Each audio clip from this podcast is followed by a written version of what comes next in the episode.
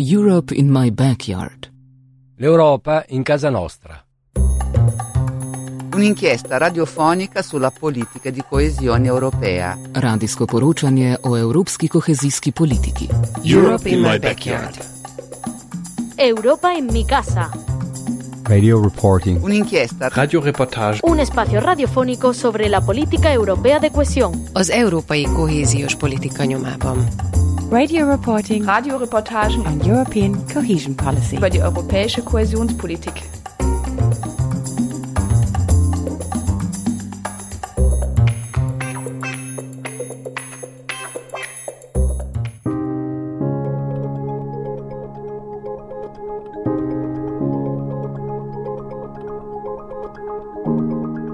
Műsorsorozatunkban olyan kezdeményezéseket és projekteket mutatunk be, amelyek Európai Uniós támogatással az Európai Unió kohéziós alapjából valósulhattak meg. A támogatásokon keresztül a különböző programok, innovatív kezdeményezések hozzájárultak egy-egy régió vagy település fejlődéséhez, vagy emberek ezreinek életminőségén javítottak szociális, kulturális vagy oktatási szempontból.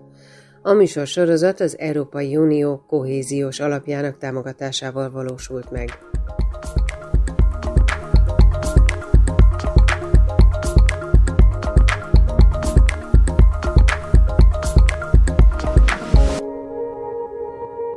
Péterfi Ferivel beszélgetünk a civil rádióban, aki közösségfejlesztő, és a szociális célú városrehabilitációs témában valósított meg programot a Újpalotán Budapesten, a Zsókavár utcai lakótelepen.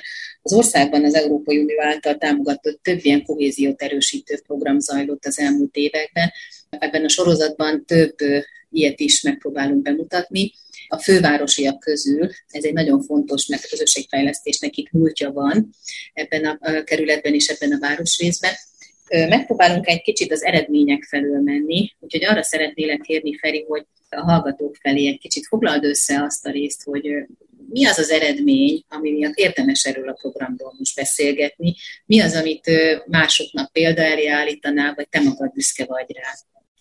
Hát annyi bevezetőt, hogy, a, hogy az ilyen városmegújító programoknál az első asszociációja az embernek arról van szó, hogy fiz, vagy arra utal, hogy, hogy fizikailag megújítanak egy várost, és valóban ezek a programok ilyenre fókuszálnak, tehát nagyobb részt az adott területnek, ez esetben Újpalotának egy negyedét választották ki célterületként, és ott egy csomó fizikai frissítés volt, de a mi közreműködésünk az a szociális, tehát a közösségi társadalmi viszonyok alakítását tűzi ki célul, és ennek az eredményéről tudok első, első sorban akkor most a kérdésedre beszélni. Ugye itt arról van szó, az nagyon fontos, hogy egy városrészt fizikailag megújítanak, de nem történik semmi közben a társadalmi kapcsolatok és a közösségi viszonyok terén, akkor egy idő után elkezd visszaromlani a város. Tehát, hogyha nincs a közösségnek valamilyen megtartó ereje, akkor az a veszély, hogy, hogy fizikailag egy-két dolgot fejlesztettek, de a városi életben tartós nyomot kevéssé hagy. Tehát ez egy nagyon fontos kezdeményezés, és, és valójában a mi törekvésünk az volt, hogy, hogy bebizonyítsuk, megmutassuk, és ezt, ezt többnyire majd itt szeretném elhitetni veled, meg talán a hallgatókkal is, hogy sikerült, hogy képes a helyi közösség külső segítséggel adott esetben, mert az első pillanatban egy szervezetlenség a jellemző rá, valamilyen módon organizálódni, szerveződni, és képes olyan dologra, amit, amiről leszokott már, mert a lakótelepre költözés időszakában általában nagyon erős együttműködések, kooperációk vannak a beköltözés, a lakásalakítás, a lépcsőház és a környék alakításában, aztán ezek el, elhűlnek, szépen meg befagynak, és hogy képes újra melegíteni ezeket, és ez volt a mi szándékunk, hogy, hogy akár lépcsőházanként, akár háztömbönként elhitessük a lakókkal, hogy ők szereplői tudnak lenni a helyi életnek, és ez az eredmények között hát több ilyen jelenség volt. Egyrészt jó néhány esetben sikerült olyan mozgásokat létrehozni, ami, amiben elhitték a helyiek, hogy, hogy ők, ők aktívak lehetnek és tudnak beleszólni az ottani életbe.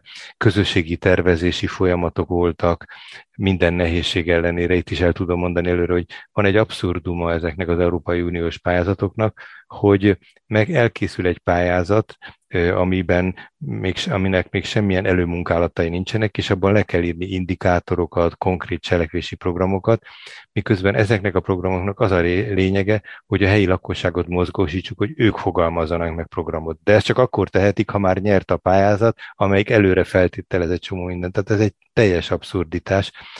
Általában a pályázat, de az Európai Uniós pályázatoknak ez egy jelentős problémája, hogy, hogy indikátoroknak akar megfelelni, ami indikátorokat a legtöbbször nem, a, nem szakemberek és nem a helyi emberek találják ki, hanem kívülről történik ez. Na, hogy itt mindezek ellenére sok küzdelemmel és sok, sok kooperációval és nagyon sok kommunikációval, de sikerült valóban elhitetni emberekkel, hogy ők, hogy ők mondom cselekvőképesek, hogy alakult különböző ügyekre, általában minél megfoghatóbb konkrét ügyre helyi kis csoportok, amelyek ebbe, ezekbe a munkákba belekezdtek, majd itt akár részletezhetem, de nem biztos, hogy mindenre érdemben jut idő, de, de három vagy négy közösségi kert kezdett elindulni aztán a több helyen a lépcsőházak megújításába fogtak, létrehoztak. A házak előtt az utcarészen ilyen kis előkertek vannak, ezek senki földje, mert nem a önkormányzati, igazából a házé, de a ház nem szokott ezzel foglalkozni, és nagy részt abszolút spontánul, pici kis rásegítéssel, de létrejöttek olyan kis magok, kis csoportok, akik elkezdték ezeket az előkerteket alakítani, és valamilyen egymással való kommunikáció is jelen volt, hiszen folyamatosan tapasztalatokat adtak át egymásnak. De eredmény volt, amit, amit elmondhatok, hogy voltak olyan, olyan események, nevezzük ezeket, ahogy ott is nevezzük, szomszédünnepeknek, amelyeket mi csak akkor, a, tehát a folyamatos párbeszéd volt a célunk, és csak akkor vállaltuk, hogy ilyen eseményt szervezünk, ha valamihez mi nekünk csak hozzáadni kellett volna, tehát, vagy kellett. Tehát a, a helyi lakosságnak valamilyen esemény, az esemény kapcsán valamilyen konkrét cselekvést, vagy valamilyen hozzájárulása kellett, és ezt mi kiegészítettük. Mi nem egy rendezvény kiszerelő csoport voltunk, hanem, hanem olyanok, akik, akik mondom ezeket a kitapintott szükségleteket, meg aktivitásokat támogattuk, és ezeknek hátteret próbáltunk biztosítani. És hát még sok minden volt, de amit még így elmondanék bevezetőben, hogy volt egy érdekes érdekérvényesítési programrész is. A városrészben van egy villamosnak, a 69-es villamosnak a végállomása, ami vagy 30 éve már elviselhetetlen viszonyokat hozott, de úgy megszokták a lakók, azaz, hogy csikorgott, nyikorgott, nem lehetett az utcának ezen az oldalán lévő házakba márciustól szeptemberig kinyitni az ablakot, tehát csak ekkor kell kinyitni, mert télen nem nyitják ki az emberek az ablakot. Tehát olyan hangzavar volt, és hosszabb együttműködéssel elhitték, elfogadták az emberek, hogy ők képesek esetleg ennek a megváltoztatására, amit több tíz éven keresztül különböző impotenciájú helyi vezetők nem tudtak megoldani, és elérték azt, hogy hogy egy ilyen 100 milliós nagyságrendű beruházás történt a, a program legvégére, és kicserélték azt a váltószakaszt, amit nem is, tehát a, nem is értettek először, nem hitték el, hogy ez valóban az ő munkájuknak az eredménye. Na hát nagyjából ez, amit így előre el tudok mondani, és amit egyszer itt egy mondatot közbeszúrtam, hogy mi végig a párbeszéd megteremtésével voltunk elfoglalva, tehát a lakók közti párbeszéd, a lépcsőházak, közösségek, intézmények közötti párbeszéd, a helyi döntéshozók és a lakók közti párbeszéd, és a kivitelezők, a munkákat végzők közötti párbeszédet, és persze még a mi párbeszédünket is velük. Szóval ez volt a legfontosabb, hogy minden hozzányúlás, minden hozzáadás, hozzájárulás valamilyen módon ezt a közeget szerette volna megteremteni az közismert, hogy a lakótelepen élő, városban, és belül is a lakótelepen élő embereknek a legnehezebb kapcsolódni, mert valahogy nem egymás mellett laknak nem kert szomszédok, hanem egymás fölött, és igazándiból vezetékeken keresztül kapcsolódnak egymáshoz, vagy esetleg a lift barátságok tudnak megszületni. De hogy a nagyvárosi közösségi munkában dolgozók többsége arról panaszkodik, hogy rettenetesen nagy az elidegenedés, hogy az emberek nehéz megszólítani, hogy mindenki a maga ügyével van elfoglalva, hogy inkább a lakógyűlések azok ilyen, tehát hogy ellenségesek, a lakógyűlések azok ilyen vita fórumok, Hát, vagy kiüresedtek teljesen, mert nem is nagyon mennek el már.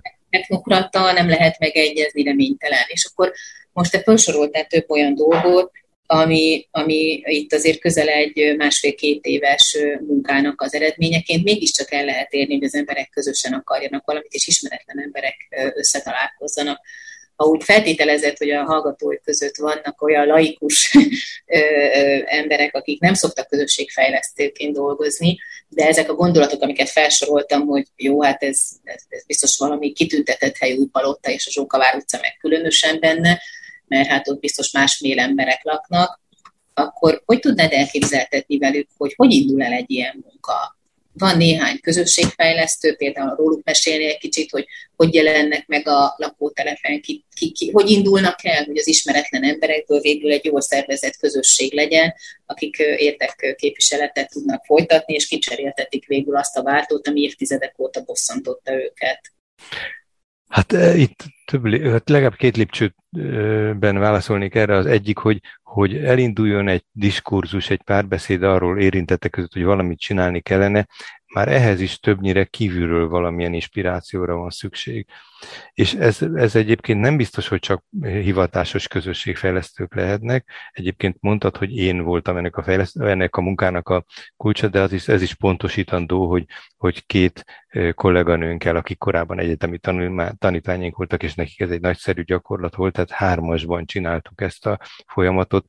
Mi közösségfejlesztők, és persze mindenki más még csinálta, tehát mi csak ennek egy ilyen, egy, egy a szegmensei voltunk. Na de visszatérve a kérdésre, tehát hogy, hogy elinduljon erről egy gondolkodás és tervezés, ehhez, ehhez valóban inspiráció kell. Nagyon nehéz, hogy, hogy belátható feladatot találjanak. Tehát nagyon konkrét ügyek, többnyire érdeksérelmek, valaminek a hiánya, vagy valaminek a rossz működése, ami könnyen mozgást tud előidézni. De ezek a, az érdeksérelmekben is járatlanok az emberek, meg, meg nincs kedvük hozzá, de minden esetre, hogyha valaki akik ebben elkezdenek ügyesen együttműködni, azért szót tudnak érteni külső szakember nélkül is, vagy esetenként szakembereknek a támogatásával vagy megerősítésével, és ezek a, a kezdeményezések sok mindent el tudnak érni, de igazi városmegújító program nem tud spontán lakossági kezdeményezésre létrejönni, mert az túl nagy befektetést jelent, túl nagy beruházást, de ez egyébként nem csak a mi közép-kelet-európai régiónkban, hanem Amerikában és Nyugat-Európában is az igazi nagy közösségfejlesztő folyamatok, azok mindenképp külső, többnyire állami vagy valami központi forrásokból érkeznek. És ennek ebből az egyik újabb, amit így kiemelni szeretnék, hogy, a, hogy, hogy folyamatokról van szó. Tehát több éves, mi is három évig dolgoztunk, és még utána másfél évet. Tehát, hogy csak folyamatok végigvitele során alakul ki valódi változás, és még akkor is nagyon kérdéses ennek a fennmaradása. És akkor itt egy pillanatra, mert hát ha nem jutnánk ide-vissza, hogy a fennmaradás azért fontos, mert mert ez, ez nem olyan dolog, hogy egyszer így beinvestálunk, és akkor mint egy perpetuum mobile elindul és örökké megy, hanem igényelni azt, hogy egy-két évenként újból és újból visszatérve legyenek olyan gondozói ennek, szakemberek, vagy mindenféle, vagy intézmények, akik ezt megerősítik, mert egyébként lassan még így is a, ha a lakosság meg is tapasztalta a saját erejét, de elfogy a türelme. Tehát ez egy folyamatos jelenlétet igényelne, vagy folyamatos újra és újra lendületet igényelne. Na tehát visszatérve, hogy a spontán mozgásoknak a jelentősége nagyon nagy, hogy az emberek összeálljanak és egy-két dolgot megoldjanak, de a rendszer szintű változás is mondjuk egy lakótelep az már sok ezer embernek a, az együttélés, az egy város vagy városrész, ott már mindenképpen külső erőforrásra van szükség, és itt a közösségfejlesztőkre általában tanácsos megkeresni, vagy a tanácsokat meghallgatni. Nyilvánvalóan itt vannak helyi intézmények, amelyek, amelyek sok mindent csinálhatnak, de, de az, hogy ezekről a dolgokról közösségi módon legyen szó, tehát hogy ne végrehajtással történjen, hanem a helyiek bevonásával, ezért ez egy szakma, amire spontán módon is rá lehet jönni sok mindenre, de többnyire azért szükség van szakértőknek a bevonására itt már nem állhatom meg, hogy ne kérdezzek erre konkrétan rá, hogy van három közösségfejlesztő, ha jól értettem. Van egy lakótelepen belül, ami azért egy viszonylag népes lakótelepnek számít Budapesten, egy kisebb szomszédság, és van néhány intézmény, de azt mondod, hogy be kell vonni az embereket, meg kell szólítani. Itt az anyagokban, amiben összefoglaljátok a szakmai munkát, több mint száz interjúról, közösségi interjúról beszéltek. Ezek, ezeket hogy kell elképzelni?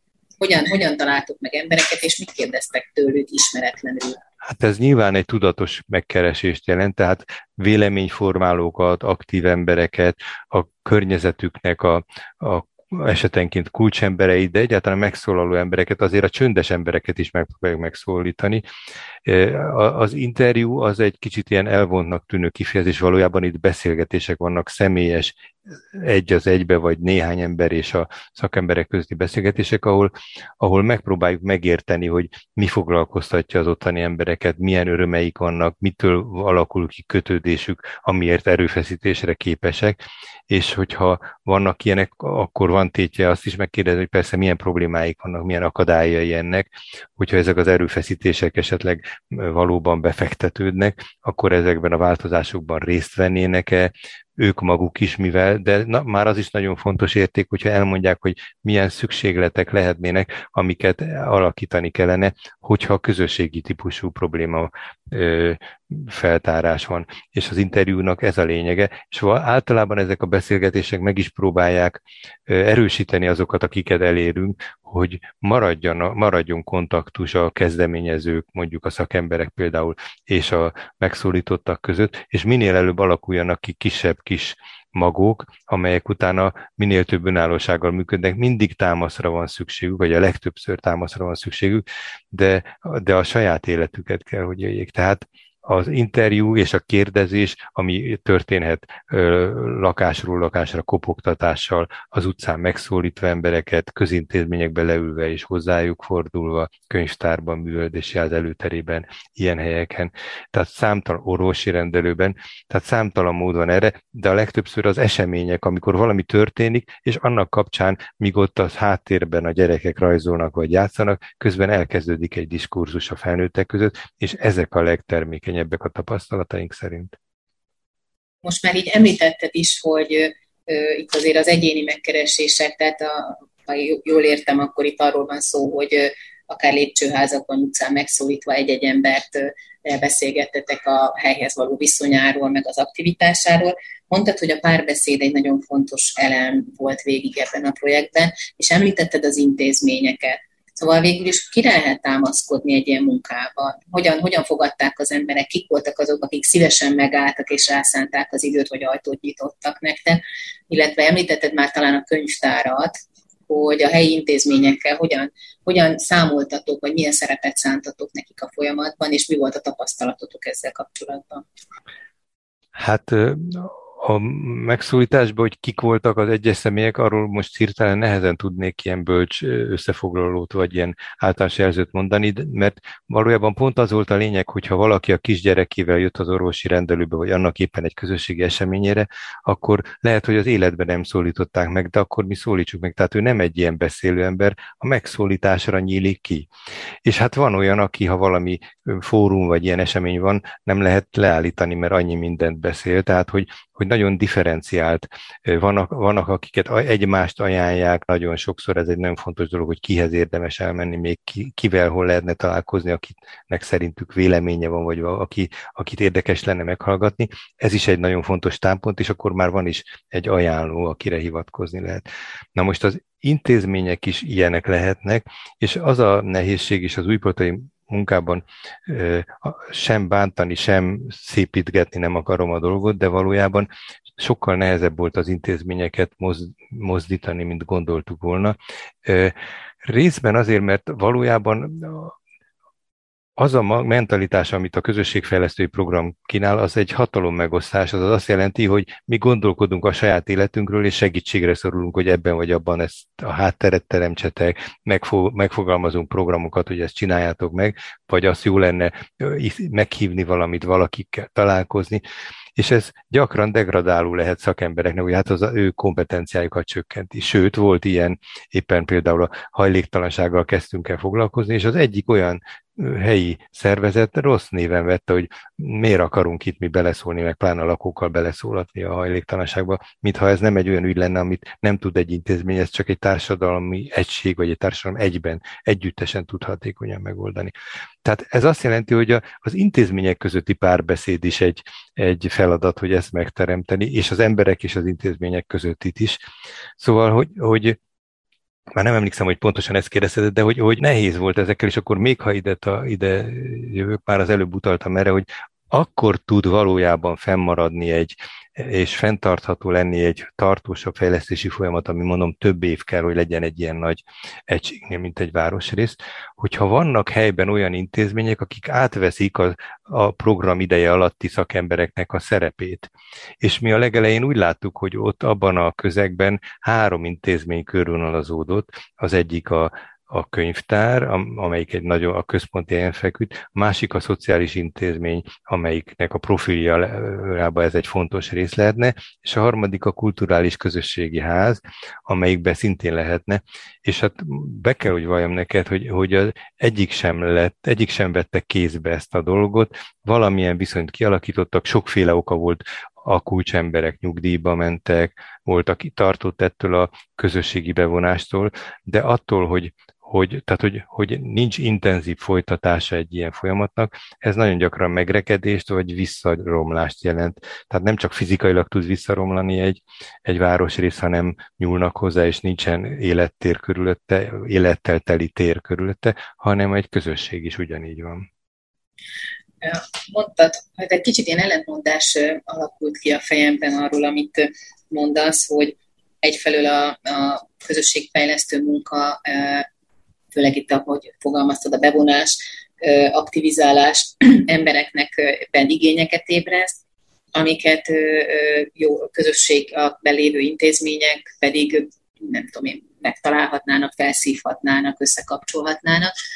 Miközben azért így alapvetően lehet tudni, hogy a közösségi intézmények, mint a könyvtár, a művelődési ház, a különböző terek, szóval nincsenek olyan nagyon jó, jó látogatottsági mutatóik, tehát nekik jó, hogyha van funkció, Szóval, és még azt is említetted, hogy itt a párbeszéd az fontos. Szóval, hogy, hogy mi az, ami akadályozza azt, hogy a lakosságnak az önszerveződése, az igényei, a találkozási alkalma és ezek az intézmények sokkal jobban egymásra találjanak, mert innen kívülről hallgatva ez egy nagyon tiszta sor, az egyik szeretne... Evidenciának tűnik. Feltételei vannak, az egyiknek kellenenek a lakossági kapcsolódások, a másiknak a hely kellene, és Szóval igazándiból nem látom azt, hogy mi az, ami akadályozza, hogy ezek egymásra találjanak, és tényleg támogassák egymást a törekvéseikben. Hát azt jelenti, hogy, hogy változásra lenne szükség a, ezeknek az intézményeknek a működtetésében, és nem egy változásra, hanem a folyamatos változás felvállalására. Tehát hogy azt, hogy állandóan érzékelni, hogy mik a, milyen állapotok vannak, milyen szükségletek, lehetőségek, bajok és örömök és erőforrások, és ezekkel dolgozni. Na most az intézmények anélkül, hogy nagyon somásan leszólnám őket, gyakran kitalálnak egy működési módot, vegyük azt, hogy jó, jó működési ideált találnak maguknak, és ezt, ezt szeretnék életük végéig egy kicsit sarkítva, de hosszú ideig ezt szeretnék csinálni. És ez, ez, a, ez pedig a kényelmetlen helyzet, vagy a kényelem szeretet miatt lehet így sokszor, vagy egyszerűen csak, csak információ vagy tudáshiány miatt, vagy mintakövetés hiánya miatt, hogy ezek az emberek egyszer csak elkezdenek azon gondolkodni, hogy, hogy hogy hát akkor majd helyettünk fogják a programokat megszervezni, majd behoznak új, új ügyfeleket a szociális intézménybe. Tehát, hogy valójában e, ez egy nagyon izgalmas intellektuális és szakmai kihívás is lenne egyszerre, tehát nem, nem is nem is logikus, hogy ettől tartsanak az intézmények, mégis így működik ez. Valójában ez valószínű a képzésben, egyáltalán a, a, a, abban a szemléletben, ami körülvesz bennünket, abban a szemléletben, amelyik a, a hatalmat és nagyon helyi szinten és nagyon tág szinten is megosztva képzeli, hogy az úgy működik, hogy mindenkinek dolga van ebben, és jó lenne valakik, jó lennének, jók lennének, akik szinkronizálnak, összehangolnak. És ez az összehangoló szerep sok minden más mellett persze a szakembereké is lehetne. Tehát, hogy Tehát nehéz erre exakt választ adni, de valójában tényleg az az egyik fő probléma, és az az ok, hogy, hogy, a, hogy a szakemberektől is megújulást, változást igényelne, ahogy a várostól is a megújulást igénylik. Tehát azt nem lehet, hogy a város újuljon meg, de mi a régi módon működünk, pedig mintha ez lenne a, titkon, vagy ki nem mondva, tehát non-verbális, tehát nem, nem verbalizálva, de ez lenne mégiscsak a, a, a törekvés. Biztos, hogy vannak ebben a történetben is ilyen kisebb győzelmek és egymásra találások, lakosok, lakossági csoportok, akaratok és intézmények között, de azért, ha jól értem, akkor, akkor nincs egy olyan intézményesült példaértékű megoldás, ami, ami tovább viszi, vitte ezeket a kezdeményezéseket, akkor viszont felvetődik, hogy egy több éven át tartó közösséget építő munka, amiben említetted, hogy több csoport is összeállt és felerősödött a közösségi kert, az előkert, a lépcsőházak kapcsán az előkertek, a szomszédsági tanácsról lehet az anyagaitokban olvasni, események, a szomszédünnep, érdekvédelem, szóval elég sok olyan csoport alakult, és a kezdeményezés indult el, aminek akkor joggal merül fel, hogy mi ad támogatást, keretet, mi garantálja, biztosítja a fennmaradását, vagy az építkezését, miután mondjuk a közösségfejlesztő program véget ér.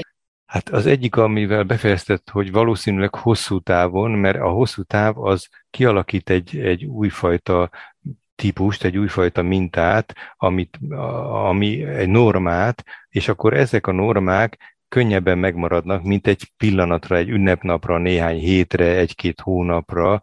Tehát ha ez tartósan marad, akkor az emberek ezt természetesnek, normálisnak veszik ezt a normát, és, és akkor ez szerint ehhez viszonyulnak talán. Tehát az egyik az, hogy megfelelően hosszú folyamat legyen, és tényleg olyan, amiben az ő szempontjai közösségi tervezésnél, a dolgok kitalálásától kezdve akár a, a tereknek a közösségi tervezéséig, tehát a tervezés az itt nagyon tág fogalom.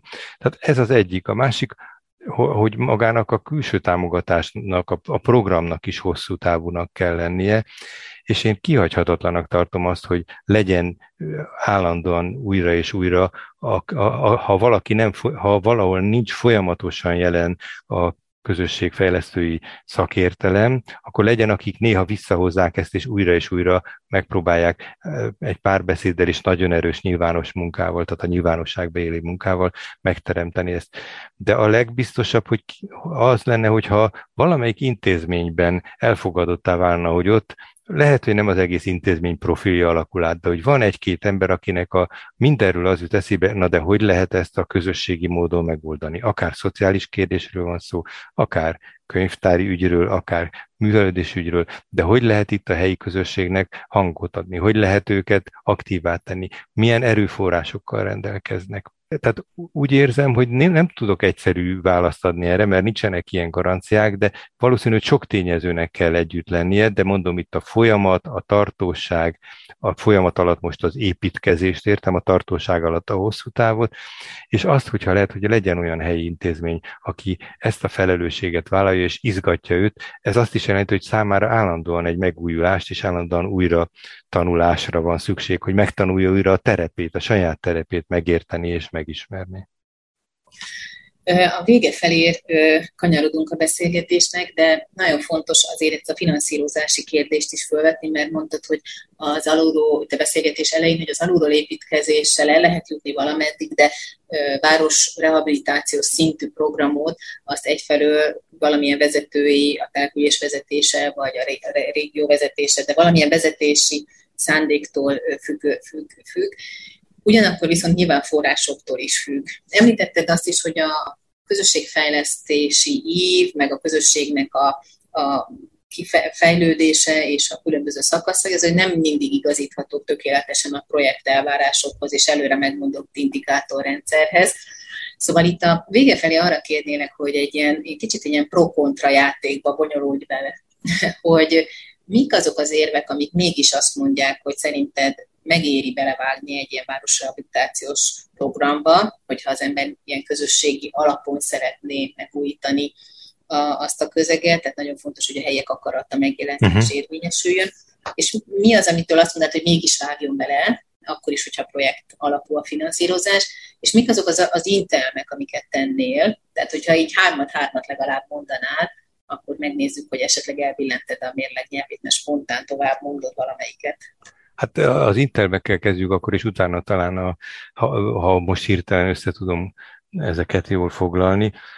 Hát az Intel hogy nem lehet kapkodni, nem lehet hirtelen döntéseket hozni, és nem lehet a, az aktuál politikát belekeverni ebbe a dologba, mert abban a városrészben valamennyi áramlatnak a lakói élnek. Nem lehet az egyik felükkel párbeszédet folytatni, és a másik ellen irányítani őket. Ha ez, ha ez történik, akkor, akkor nincsen eredmény meg kell érezniük ezeknek az embereknek, talán egy ilyen második intelem, hogy, hogy van valamilyen saját cselekvési, önrendelkezési körük, amit megtapasztalhatnak, nem csak elmondják nekik, hanem meg is tapasztalhatnak, ami azt is jelenti, hogy kontrollálni is tudják, tehát egyrészt cselekedni, mozgatni tudják a folyamatot, másrészt pedig kontrollálni is, ha valami nem úgy megy, vagy számon kérni, tehát erre, ezek nem ellenséges piszkálódások, hanem egy természetes folyamat. És még ilyen, ilyen intelem talán most harmadik így nem jutna eszembe, ami ennyire erőteljes, hanem hogy, hogy miért jó, Hát egyrészt azért jó, mert nem romlik vissza a társadalmi viszony, és a fizikai viszony sem. Megtapasztalják másodiknak, mondom, az emberek az erejüket, és hogy képesek cselekedni, és a másik is képes cselekedni, és, a, és ez egy másfajta viszonyt fog hozni.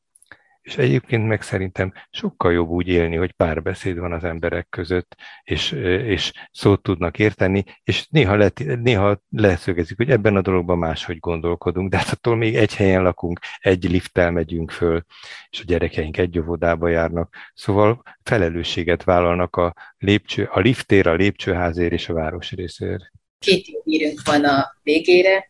Az egyik, hogy érdemes belevágni, mert lakossági szinten megéri közösségfejlesztőknek pedig több érvet mondtál a pro oldalon, mint az aggályok között. Úgyhogy köszönjük a beszélgetést Péterfi Ferenccel, aki a Zsókavár utcai projektről, és annak kapcsán egy kicsit a szociális városrehabilitációs programok lehetőségeiről és korlátairól beszélgettünk. És köszönjük az értő kérdezést Kovács Edittől is, aki szintén közösségfejlesztő, és aki az ilyen típusú munkákban meglehetősen járatos.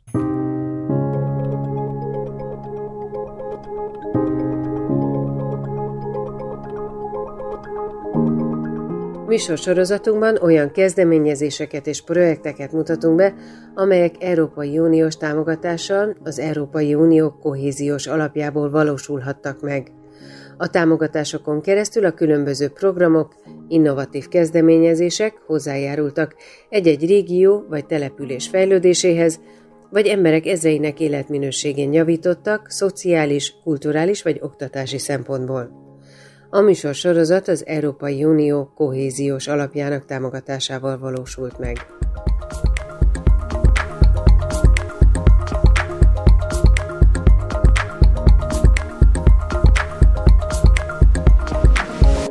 A vendégünk német Nándor. Nagyon régen ismerem, vagy ismerjük mind a ketten Nándit. Ha pontosan akarnám definiálni az, az általam ismert szerepedet, Nándi, akkor a Magyar Máltai Szeretetszolgálat felzárkózó települések programjának egyik vezetője vagy. Ha ez pontatlan, akkor kérlek, hogy korrigálj. Pontos. A felzárkózó települések programon belül többféle szakterületben dolgozunk, mert hogy ez egy nagyon komplex program, és ezek közül a gazdaságfejlesztés foglalkoztatási ügyek tartoznak hozzám. Viszont a mai programnak, a, vagy a mai beszélgetésnek az egyik fókuszát azt gondoltuk, hogy a jelenlét programnak szánnánk, akkor ebben a dimenzióban az hol szerepel? A jelenlét program az a teljes munkánknak az alapja. Aha. Módszertani szemléleti működésbeli alapköve. Maga a felzárkózott települések program is a jelenlét programra épül. A fő dimenzióját az az adja meg, hogy az érintett 300 településen elindul az a klasszikus jelenlétprogram, amit a Máltai Szeretett Szolgálat már az elmúlt közel 20 évben kipróbált, kikísérletezett, végigjárt részleteiben és egészében is most már több településen. Ugye ezt nagyjából úgy kell elképzelni, hogy egy adott településen, ahol elindul a jelenlét program, mert elsősorban szociális alapokon megszületik egy dimenzió, vagy hm, diagnózis, egy olyan elképzelési rendszer, ami feltárja a helyi sajátosságokat, a helyi viszonyokat, azt a helyi probléma halmazt, erőforrás készletet, amivel az adott település rendelkezik, megpróbáljuk megérteni, hogy ott a társadalmi problémák, jelesül a szegénység, szegregált életviszonyoknak a kialakulása, az miből ered, milyen helyi lehetőségek lennének ennek a felszámolására, és ez alapján kezdünk el dolgozni, alapvetően szociális eszközökkel, főszabály szerint szociális munkásokkal, vagy szociális szakemberekkel. Tehát a jelenlétprogram az, az ez, ez az alulról építkező, a helyiekkel együtt építkező, helyi diagnózisra épülő, türelmes, egyik, egyik kockát a másikra felrakó fejlesztési szemlélet, mert nem mondhatom módszertannak, ez egy szemlélet, egy megközelítésmód. Igazából úgy is negatívban is meg lehet fogalmazni, hogy semmiképpen nem felülről vezérelt, lehetőleg nincs előre kőbevésve évekre a fejlesztési program, tehát nem olyan forrásokkal kell együtt dolgozni, amiket előre le kell programozni, hanem kellő rugalmassággal és szabadsággal rendelkező döntéshozatali és pénzhasználati rendszer van mögötte. Próbáltam ezt a jelenlét szót elképzelni, vagy, vagy definiálni, hogy hogyan ragadhatnánk meg. Hát nyilvánvalóan az ott lét, a jelen a helyszíni, helyszínen levés, a hely, helyszíni jelenlétet jelenti ezt, vagy azt, hogy valaki olyan ember van egy ilyen településen például, aki a magatartásával, a viselkedésével valamilyen hatást tud kifejteni a környezetére. Ez, ez megkülönbözteti a, a máltai, máltaiaknak ezt az egész segítő, fejlesztő programját mondjuk más típusú programoktól? Tehát ez egy markánsan elkülöníthető szemlélet, ezt a szót használtad? Hát tulajdonképpen igen, mert hogy főleg mióta Európai Uniós pénzekkel dolgozunk, azokban nagyon erős az előre felállított keretrendszer mind szakmai, mind projektmenedzsment, mind pénzfelhasználási szempontból. Tehát ugye látjátok a pályázatokat, hogy amik a társadalmi felzárkózási célokat is szolgálják, ott tulajdonképpen egy sablonból dolgozik mindenki, mondjuk képzeljétek el egy komplex teleprogramot, vagy akár csak egy tanodát, annak a keretrendszere az egy előre megírt keretrendszer, előre egy pályázati kiírás definiál egyfajta intézményi működést, és tulajdonképpen a kérdés az az ország civil társadalma vagy önkormányzati szereplői felé az az, hogy ti szeretnétek-e ezt az intézményi keretrendszert működtetni és magatokével tenni. Bele tudtok-e simulni ebbe a dologba? Bele tudtok-e simulni, és aki igen, ügyes pályázatot ad be, ahol ez bebizonyítja, hogy ő ezt mennyire szeretné, és mennyire tud hozzá alkalmazkodni,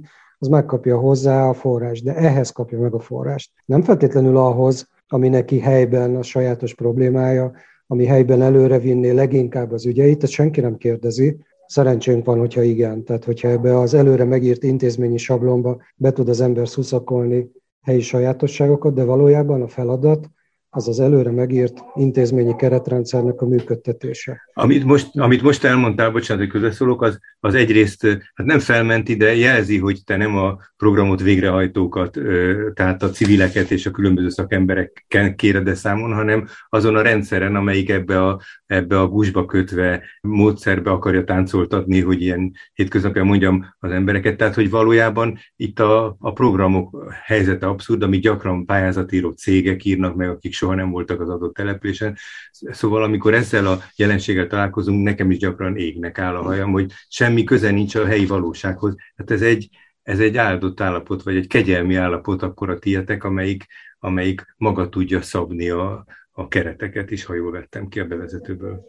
Igen, elég nagy szabadságfokkal dolgozunk, hála Istennek. Nyilván nem minden kötöttségtől mentesen. De mielőtt erről beszélnénk, azért így az Európai Uniós források védelmében is annyit el kell mondani, hogy, hogy ez a helyzet, amiről most elég negatív képet festettünk, ez nem valamiféle rossz szándék vagy szakmai atlanságnak az eredménye, hanem tehát ebben egy csomó, csomó jó szakmai tudás van, rengeteg munka kerül bele már ezeknek a pályázati kiírásoknak a megtervezésébe is. Nem egy közülük évtizedes kipróbált eszköztárakat próbál meg alkalmazni, tök jó ötletek is vannak mögöttük, és bennük van mindenképp az a jó szándék, hogy segíteni akarnak ott, ahol, ahol baj van. Egész egyszerűen a műfaj nehézkes. Ez az előre megírt sablonos, az egész országra egyfajta pályázati struktúrát kiírni és üzemeltetni képes rendszer. Ennek a rugalmasságát sokan keresték már, hát láttátok, hogy az elmúlt évtizedekben azért nagyon sok szakember, sőt politikus is kifejezte azt a reményét, meg, meg tettek lépéseket, hogy növeljék a rugalmasságát, növeljék a hatékonyságot. Ez hol sikerült, részeredmények mindig voltak, hol kevésbé sikerült.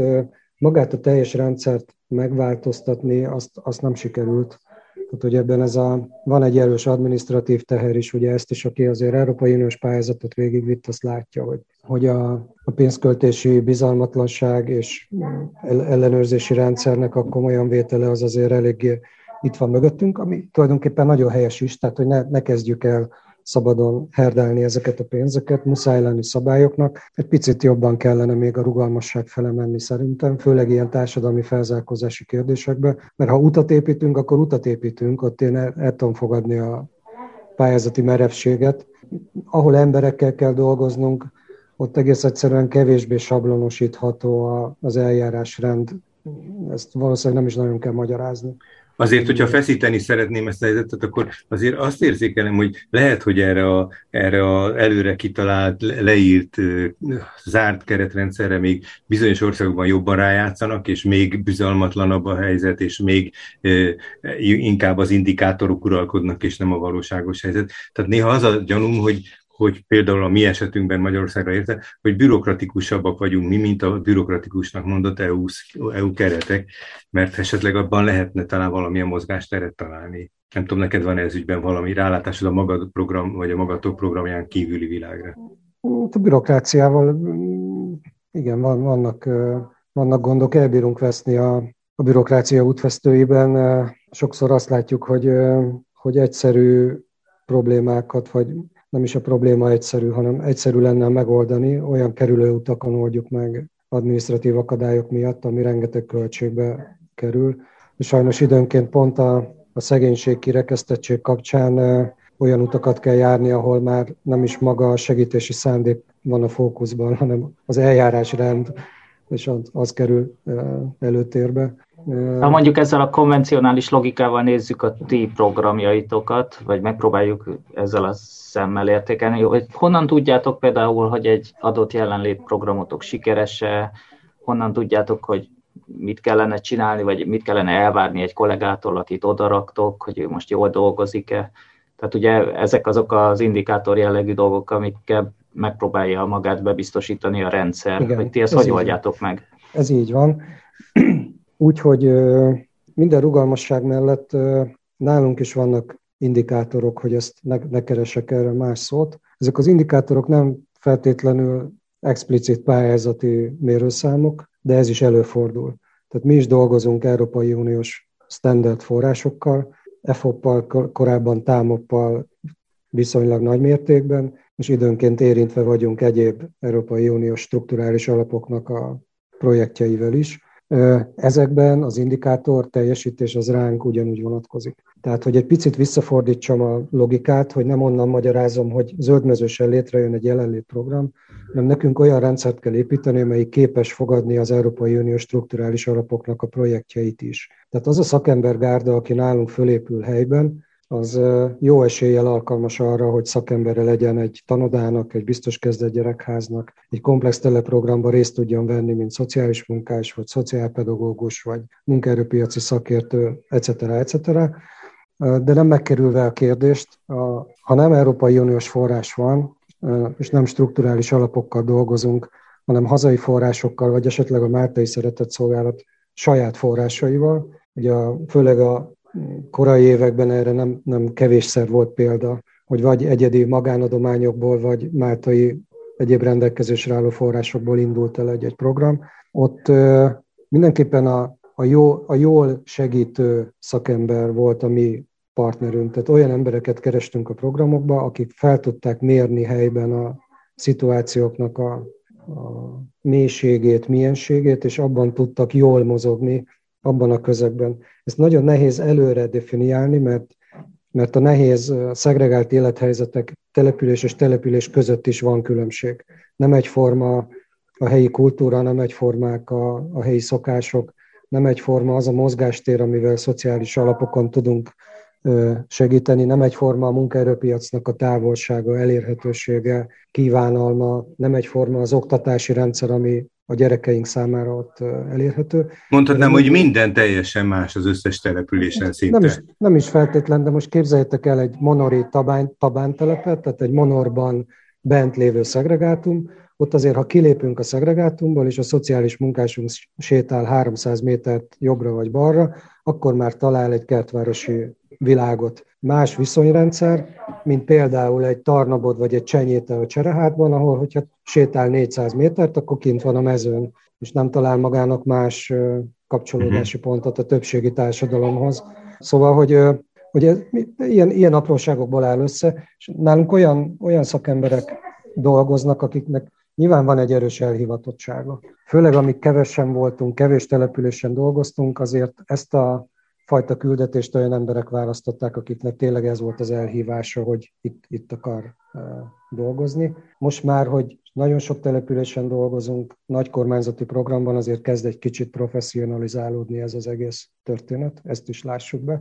De hogy mindenképp ez az elhívás, ez a fajta lelkiség, ez egy nagyon fontos tényező volt a mi életünkben. Ugye ez az is hozzátartozik, hogy a Máltai Szeretett Szolgálat egy katolikus hátterű szervezet, ezt az értékrendet valahogy a hétköznapokban hol, hol kevésbé, hol sokkal erősebben, de csak megjelenítettük. Az ehhez való kötődés, vagy pozitív viszony is egyfajta elvárás volt, vagy hívó szó, inkább így mondom, mert nem elvárás volt.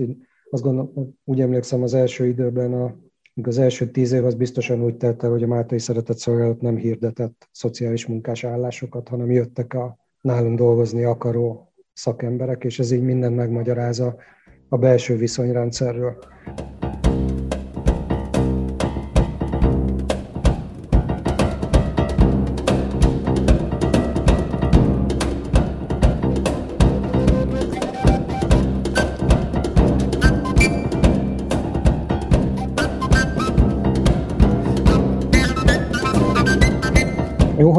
Kérdezted, Matyi, hogy hogy mérjük a sikerességet. A sikeresség az tulajdonképpen a, a helyben előforduló ö, nehézségek, sorsoknak a valami módon való megfordításában mérhető. Ezt is nehéz így elmondani, de ha ilyen hatásútvonalakat kezdünk el vizsgálgatni, ezeket megnézzük, hogy mi mivel függ össze, akkor akkor végezzük jól a dolgunkat egy jelenlét programban, hogyha mondjuk te is, mint egy külső szakértő ránézel egy ilyen programra, megvizsgálod, és azt látod, hogy egy hatásútvonalnak végigmentünk az egyes elemein. Egy jó helyi szakember, egy jól képzett szociális munkás ezt érzi, tudja, hogy honnan indulunk, mi a következő lépés, hogy kell figyelni ennek a, az adott érintett családnak, személynek a környezetére, azt, hogy szólítjuk meg, mik azok az adekvát eszközök, amiket alkalmazni kell a, az előrelépés érdekében, és nálunk mindig nagyon fontos, hogy mindig egyet próbálunk előrelépni, tehát hogy az a, a nálunk megforduló emberek tekintetében, de egy közösség életében is, hogy egy, egy picit tegyük mindig jobbá a, a helyi kör, körülményeket, működési rendszert. Sose volt annyi forrásunk egyébként, hogy hirtelen nagy csodát tudtunk volna tenni úgyhogy hirtelen a sarkaiból kifordítottunk volna egy ilyen nehéz világot. Mindig lépésről lépésre kell építkezni, ez sok türelmet kíván, némi önvédelmet a kiégés ellen és a belefáradás ellen, sok jó kapcsolatrendszert, ami, ami, ami megadja azt a bizalmat, tőkét, ami, ami kell a, ehhez való munkához, vagy e, ehhez a munkához. És egyébként most már, ahogy nőnek ezek a programok, kell egyre több szakértelem, tehát tényleg most már olyan, olyan szakemberek is dolgoznak körülöttünk a szakmájukban, akik korábban nem. Tehát már nem csak jogászok és építészmérnökök, de már élelmiszermérnök is, és már munkaerőpiaci tanácsadó sokféle, és már van saját pszichológus a Máltai programban, és sorolhatnám, hogy mennyiféle, mennyiféle ember, mert hogy most már mindenkinek. Tehát, hogy látjuk, hogy nő az eszközrendszer, így hirtelen több problémára tudunk reagálni. Az előbb szóba hoztad Monort, azt tudom, hogy ott nagyon régóta ott vagytok. Mennyi is ez a nagyon rég? És nyilván ebből óta. 2004 óta, tehát ez 17 éve. Én nagyon rég ismertem egy kicsit közelebbről ezt a monori dolgot, de akkor már akkor nagyon sok sikerről tudtatok beszámolni. Hát úgy, ahogy te mondtad, ilyen kicsi dolgokról, de hogy így sok ember sorsa megfordult, tehát ezek a történetek mindezt mesélték el, de azóta eltelt újabb tíz év, vagy lehet, hogy csak nyolc. Hogy hogy fejlődnek ezek? Tehát azért 17 év az már egy olyan perspektíva, hogy abból talán lemerhet vonni bizonyos következtetéseket az ember. Tehát, hogy mennyire tudtátok megváltani a világot, vagy a ti kapacitásotok így is csak egy csepp a tengerben, szóval hogy hogy, hogy alakulnak ezek hát a inkább az helyek? utóbbi, Matyi, tehát a csepp a tengerben. Uh-huh. Ezt uh, szerintem nem érdemes nagyon szépíteni. Az látszik, hogy ez a fajta munka, amit mi végzünk, legalábbis az eddig rendelkezésre álló időben és forrásmennyiséggel felülről korlátos, így a hatásait tekintve. Arra semmiképpen nem volt elég, hogy mondjuk felszámoljunk egy ilyen szegregátumot. Tehát, hogyha most egy társadalompolitikai célt elkezdenénk így hárman kitűzni, hogy mondjuk a monori teleppel mit kellene tenni, valószínűleg mind a hárman azt mondanánk, hogy hát csak az lenne a cél, hogy szüntessük meg ezt a szegregált lakókörnyezetet, valahogy integráljuk bele a városba, és ne, ne, is, ne is legyen kérdés az, hogy aki ide születik, az milyen hátrányokkal születik, mert hogy ez valahogy szűnjön meg. Ezt részben persze sikerült elérni, de, de teljes egészében nem. Tehát, hogy megszüntetni azt a fizikai lehatároltságot és egyfajta szétesettséget, az rész, részben sikerül. Tehát Monoron ugye azzal a, azzal a helyzettel találkoztunk, hogy cirkuszi lakókocsikban laktak emberek, tehát hogy ez váltotta ki a, a, ott a szociális munkát, vagy a jelenlét programnak az indulását a, a, a programnak az elején. Ezt például sikerült megszüntetni. Tehát ma már cirkuszi lakókocsikban, mint szociális bérlakás, nem laknak emberek, hanem igenis építkezünk, lettek jobb minőségű ingatlanok. Egy sor család esetében sikerült rendezni a lakhatási viszonyokat, mármint a tulajdonviszonyokat, a bérlői jogviszonyt, ami ebben a világban szintén teljesen rendezetlen volt. Tehát illegálisan épült lakások, teljesen önkormányzati területen felhúzott mindenféle jogilag nem is létező kaibákban laktak emberek, ez amúgy sokfele jellemző. Sokfele jellemző az, hogy akik bent élnek egy ingatlanban, még ha az ingatlan létezik is a földhivatali nyilvántartásban, szinte biztos, hogy nem azért, aki benne lakik, de ha igen, akkor is tele jelzáloggal, mindenféle terheléssel, ami nagyon nehéz viszonyokat tud teremteni sok esetben. Ezeknek a kezelése a mi eszközeinkkel hosszadalmas, erőforrásigényes, lassú folyamat, sok türelemmel jár, nagyon sok megértés kell hozzá, de ha kicsit kitekintünk Monorból, és nem tudom mennyire ismeritek a Pécsi György telepet, ha ott megnézitek annak a bányatelepnek az átépítését, az egy ilyen fenntartható modellé tudott válni, hogy abból a teljesen reménytelen lakhatási krízisből, amiben voltak, sok-sok év munkájával sikerült már egy élhető környezetet teremteni. Még mindig szegregáltunk. Ezzel, ezzel, amit mondasz, azt jelenti, hogy ebben a helyzetben nem a telep lett felszámolva, mint a monori esetben, hanem ott valami olyan változás történt, ha jól értem, ami elviselhetővé tette ezt a, ezt a helyzetet. Egyébként akartam is kérdezni, hogy a, hogy a felszámolás nagyon gyakran, és nyilván ilyen szélsőséges helyzetekben, mint Monorta, hogy lefestettétek, kikerülhetetlen, de hogy, hogy amit hogy sok mindent veszíthetnek is ezek az emberek, családok a teljes felszámolással, tehát hogy olyan típusú példa is nyilván van, és akkor most közben mondtad Pécsnek ezt a külső részét, ahol talán azokat a fontos dolgokat, ami valahova köti őket, azoknak egy része megtartható a helyi társadalmi kapcsolatok, a beágyazottság, ilyesmire gondolok. Igen. Ott egy kicsit ilyen nem hivatalos, hogy mondjam, én a magán véleményemet tudom itt mondani, hogy ebben a környezetben, mint ahogy egyébként az élet számos részén is az, az, azt tudom mondani, hogy nincs értelme szélsőséges politikákat követni, vagy hogy előre elhatározni valamiféle sarkalatos változást.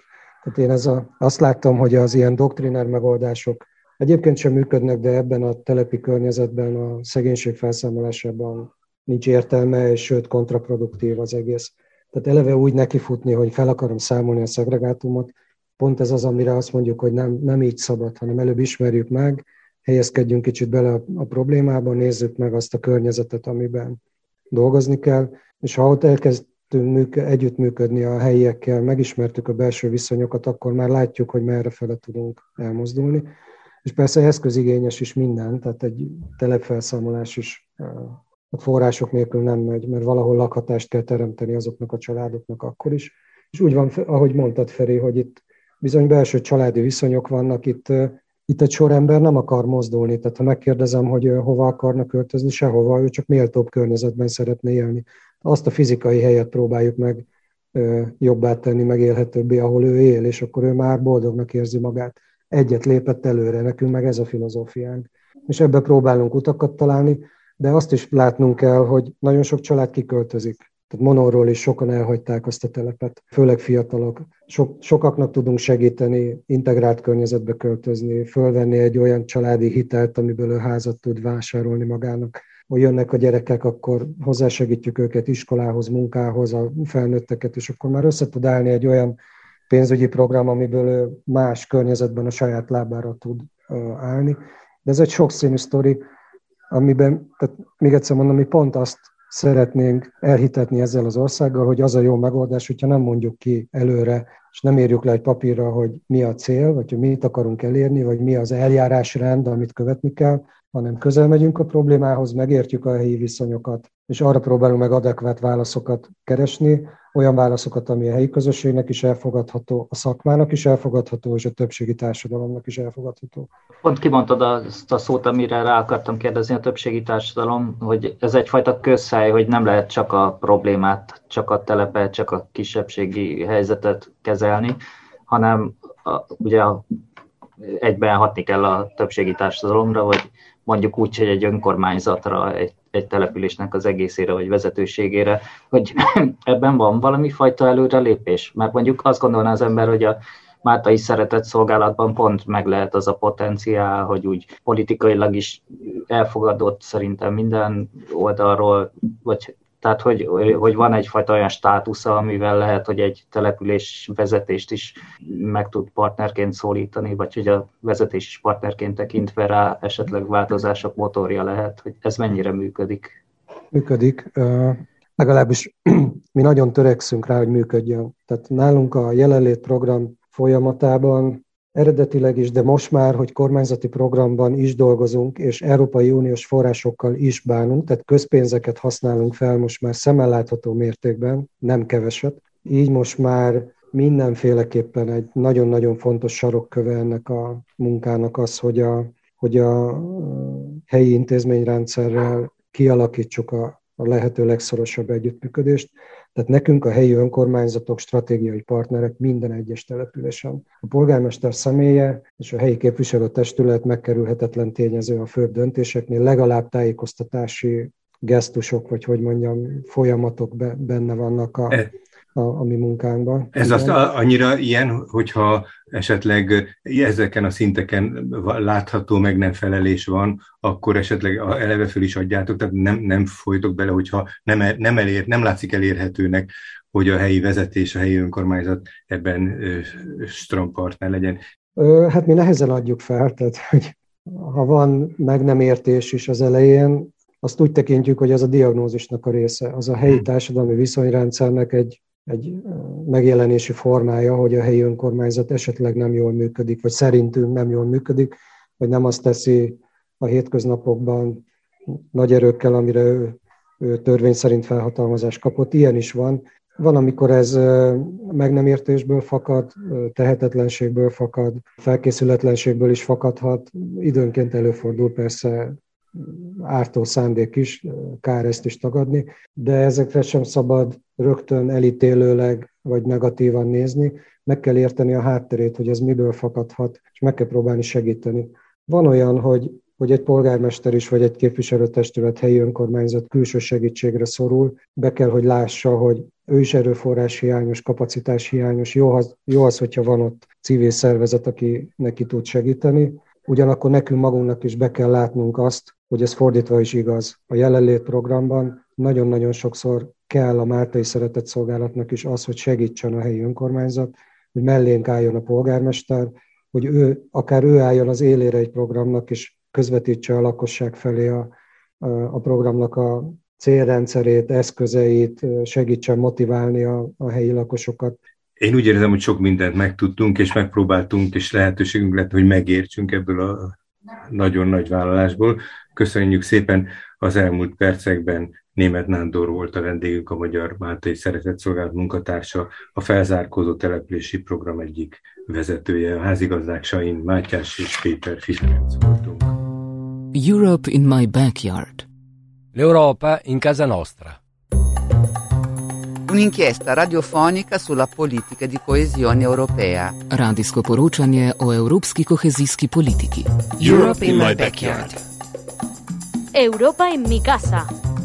Radio reporting. Un'inchiesta. Radioreportage. Un espacio radiofónico sobre la política europea de cohesión. Az európai kohéziós politika nyomában. Radio reporting. Radioreportagen on European cohesion policy. über die europäische Kohäsionspolitik.